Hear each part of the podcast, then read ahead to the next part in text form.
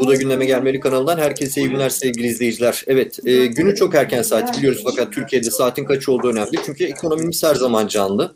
Biz de bu konu hakkında genel bir değerlendirme yapmak için ekonomist, para piyasaları ve altın uzmanı Sayın İslam Memiş'i konuk ettik. İslam Bey hoş geldiniz kanalımıza. Hoş bulduk, günaydın, iyi yayınlar diliyorum. Günaydın. Çok teşekkür ediyorum. Evet sizin videolarını takip eden izleyicilerimiz de bilirler. E, altın konusunda özellikle önemli açıklamalarınız ve değerlendirmeleriniz oluyor. E, içinde bulunduğumuz durum içerisinde ki zaten iki gündür e, enflasyon rakamları küresel olarak da açıklandı. E, az önce de İngiltere'nin enflasyon rakamları geldi. Dün ABD, arkasından Almanya, bugün İngiltere 30-40 yılın zirvesine çıktı. Tabii e, emtia fiyatlarının yüksekliği bunda büyük etki e, taşıyor. Emtia deyince de aklımıza en değerli metal altın geliyor. E, küresel olarak ve Türkiye olarak ekonomik açıdan nereye gidiyoruz? Bu işin sonu nereye varacak? E, genel global anlamda baktığınız zaman dünya ekonomileri çok iyi bir yere gitmiyor. Zaten bu e, son iki yıldır belliydi yani Covid-19 sürecinden itibaren ok yaydan çıkmıştı. E, bugünler aslında sürpriz değil. E, insanlar bugün e, yine de ekonomiyi veya finansal piyasaları yakından takip etmeyenler için şaşırtıcı veya ilginç gelebilir bugünler ama bizim için ilginç değil. E, çünkü Covid-19 sürecinde bol likidite yani bu kadar bol para e, basılması, e, işte fabrikaların kapanması, insanların işsiz kalması vesaire. Bu tamamen bir senaryo, bir oyun yani bu gerçek bir şey değil. Kontrollü bir şekilde dünyanın aynı anda farklı bir çerçevede e, bir sistem oluşturma çabasındaki rolüdür. E, enflasyon rakamları bütün gelişmiş ve gelişmekte olan ülke piyasalarında artmaya devam ediyor. Yükselmeye yine devam edecek. Belki bu mevsimsel etkiden dolayı birkaç ay böyle stabil kalabilir ama bu enflasyon rakamları yükselmeye devam edecek bütün dünya ülkelerinde. E, haliyle de bütün e, dışa bağımlı olan ülkelerde olumsuz yönde etkilenecek. Bunların tedbirleri önceden alınacaktı. Bunlar e, yani kapı çalındığı zaman ben işte günlük politikalar yani bilmem ne yani şöyle oldu böyle oldu. Bunlar mazeret değil yani dünya ekonomileri mazerete bakmak. Dünya ekonomileri önceden paranın bol olduğu zaman işte e, paranın kolay kazanıldığı zaman e, rahat yaşadığınız zaman israfı bol yaptığınız zaman tasarruf yapmadığınız zaman alınacak tedbirlerde o kadar gıdalar dünya genelinde e, çöpe atılıyordu. Ekmekler, yiyecekler falan. Şimdi dünyada israf e, azalıyor. Neden? Mecburiyet karşısında azalıyor. Açlık ve kıtlık başladı çünkü. E, bu enflasyon rakamlarıyla alım gücü ciddi bir anlamda azaldı. Gözümüzde gördüğümüz her şey 2-3 katına çıktı. Artık almak bile hayal oldu. Yani bırakın tasarruf yapmayı, almak bile hayal oldu. İş buraya gitti.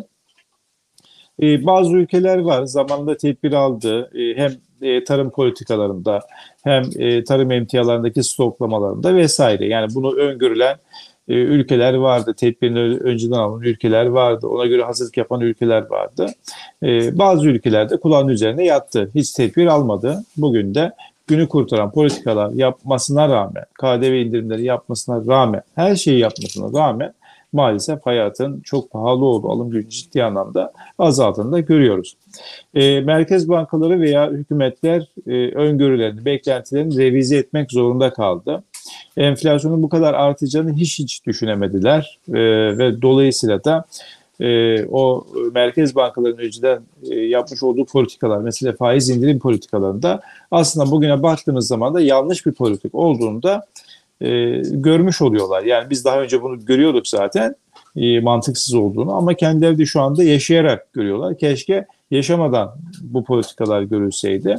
Şimdi merkez bankaları arda arda faiz artırım sürecine devam ediyor. Ee, Yeni Zelanda şu anda evet, 50 bas puanlı bir 50 bas puanlı bir faiz artırım yaptı. Ee, yarın Türkiye Cumhuriyet Merkez Bankası'nın bir faiz kararı var. Ben bir değişiklik yapacağını tahmin etmiyorum. Çünkü Mayıs ayında Amerikan Merkez Bankası Fed'in faiz artırım süreci var. Yine 40 yılın zirvesi enflasyon %8,5'la orada görüldü.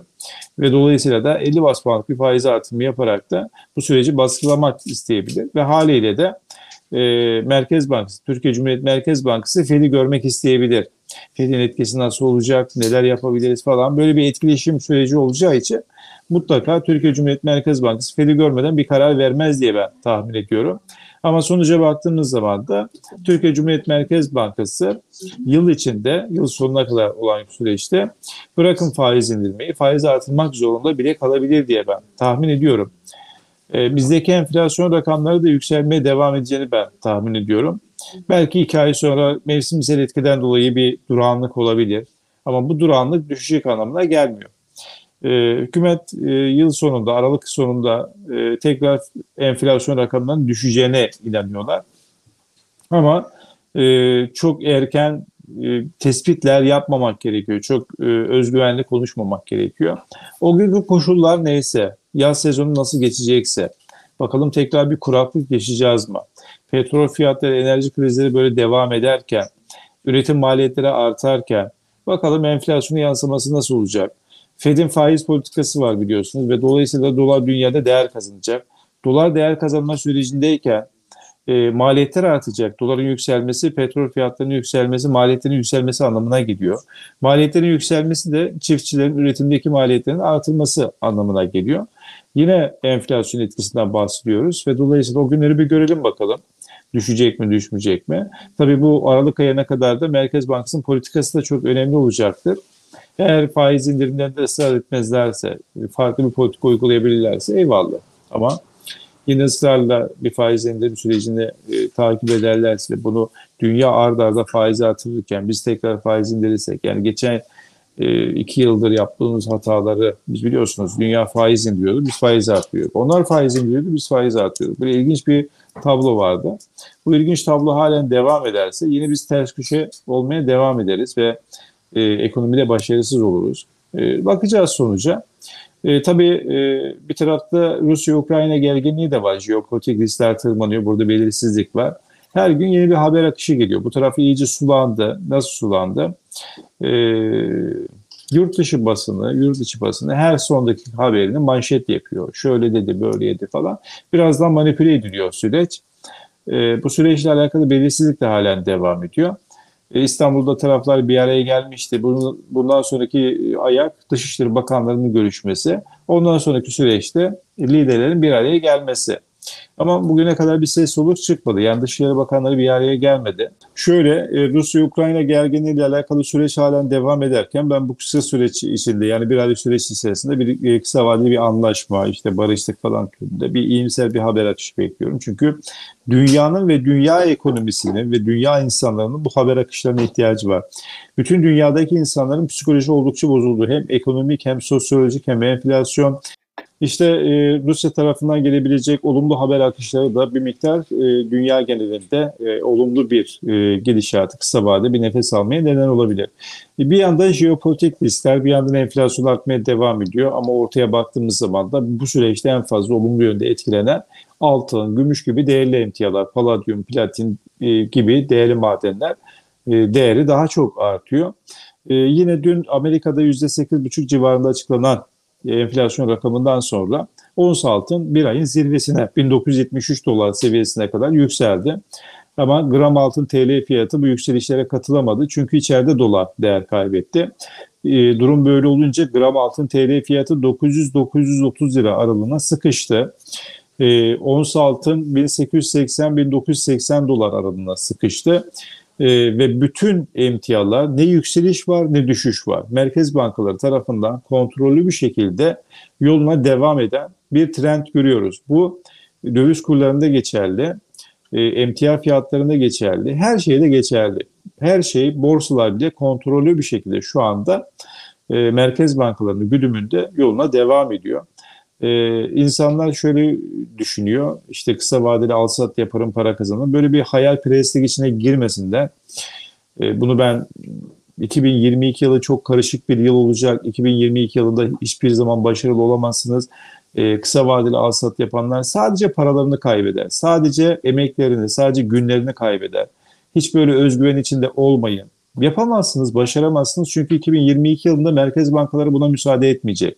Yine finansal okuryazarlığı olmayan veya az kıt olan insanlar da yine ısrarla varlıklar üzerinden alsat yaparak para kazanma hayali içerisinde yollarına devam ediyorlar. Kaybedecekler. E, bu piyasada onların elindeki varlıklar alacaklar. Boşuna stres yaşamış olacaklar. Gece gündüz ekrana bakacaklar. Düştü mü kalktı mı falan böyle gereksiz muhabbetlerle ömrünü heba edecekler. 3 e, aydır insanlara anlatmaya çalışıyorum. 2022 yılı çok karışık bir yıl olacak. E, beklemek güzel bir şeydir. Uzun vadeli bir yatırımcı olun. Alın ve unutun. Aralık Ocak aylarında alan altı. Ne güzel. Mart ayındaki düşüşlerde alan aldı ne güzel. Hala ısrarla bir miktar yükseldiği zaman sattı bilmem ne falan böyle çok finansal okur yazarı kıt insanlar var. Bu insanlar kaybetmeye devam edecek maalesef. Oynayarak kaybedecekler. Halbuki ne güzel elindeki varlıklara sahip çıksaydı, uzun vadeli bir yatırımcı olsaydı bu ortamda çok iyi olacaktı. Çünkü bir bakıyorsunuz manipülasyon piyasası oluştular bu e, 28 Şubat tarihi itibariyle Rusya operasyonu ile birlikte. Bir bakıyorsunuz sert düşüyor, bir bakıyorsunuz sert yükselişiyor. Niye ne olacağı belli bir e, kötü haber geliyor, bir işte görüşecekler iyi haber geliyor falan böyle bir engame var. Bunun manipülasyon piyasası. Bu insanları oynatmak için, elindeki varlıkları almak için çok güzel kurulmuş bir tezgahtı. Bu tezgaha gelenler maalesef kaybediyor. O yüzden bu e, Nisan ayında insanlara yine şöyle bir mesaj verdim. Uzun vadeli yatırımcılara. E, kumarcılara böyle mesaj vermek mümkün değil. Onlar çünkü hep kısa vadeli alsat yaparak hayal kurdukları için onlar için geçerli değil mesajımız. E, eline yeni TL geçmiş olan olabilir, e, ters pozisyonda kalmış, çok acele etmiş olabilir, elindeki varlıkları satmış olabilir vesaire. Ee, Nisan ayı alım için son aydır. Nisan ayından sonra bence piyasalar fırsat vermeyecektir. Ee, yaz aylarında çok e, fırtınalı günler olabilir. Mayıs-Haziran aylarında dolar tarafından özellikle döviz yabancı para birimlerinde bir rüzgar esintisi görebiliriz küresel borsalarda vesaire. E, Haziran'a baktığımız zaman biraz daha e, riskler artabilir ama bu sefer de iç siyasete biraz daha odaklanacağız. Türkiye bir seçim sürecinde biliyorsunuz. Haziran ayı ile birlikte e, iç siyasette farklı gelişmeler olabilir, farklı kararlar alınabilir ve dolayısıyla da e, bu süreci bu şekilde takip edeceğiz ama benim nazarımda Nisan ayı final ayıdır ve Nisan ayından itibaren bir alım fırsatı olacağını ben tahmin etmiyorum. Ee, az önceki konuşmanızda e, Merkez Bankası Fed'i bekleyecektir dediniz. Yani Fed'in zaten evet. beklentisi belli. 50 bas puan arttırma ihtimali hatta 25 puan arttırırsa güvercin eylemi olarak görülecek evet. şekilde yorumlanıyor. E, peki Merkez Bankası bunu beklediği sırada yine geç kalmış olmayacak mı? Yine yanlış olmayacak mı? Şöyle kendi politikaları var biliyorsunuz. Kur korumalı mevduat sistemi, işte yastık altındaki altından çıkarılması vesaire.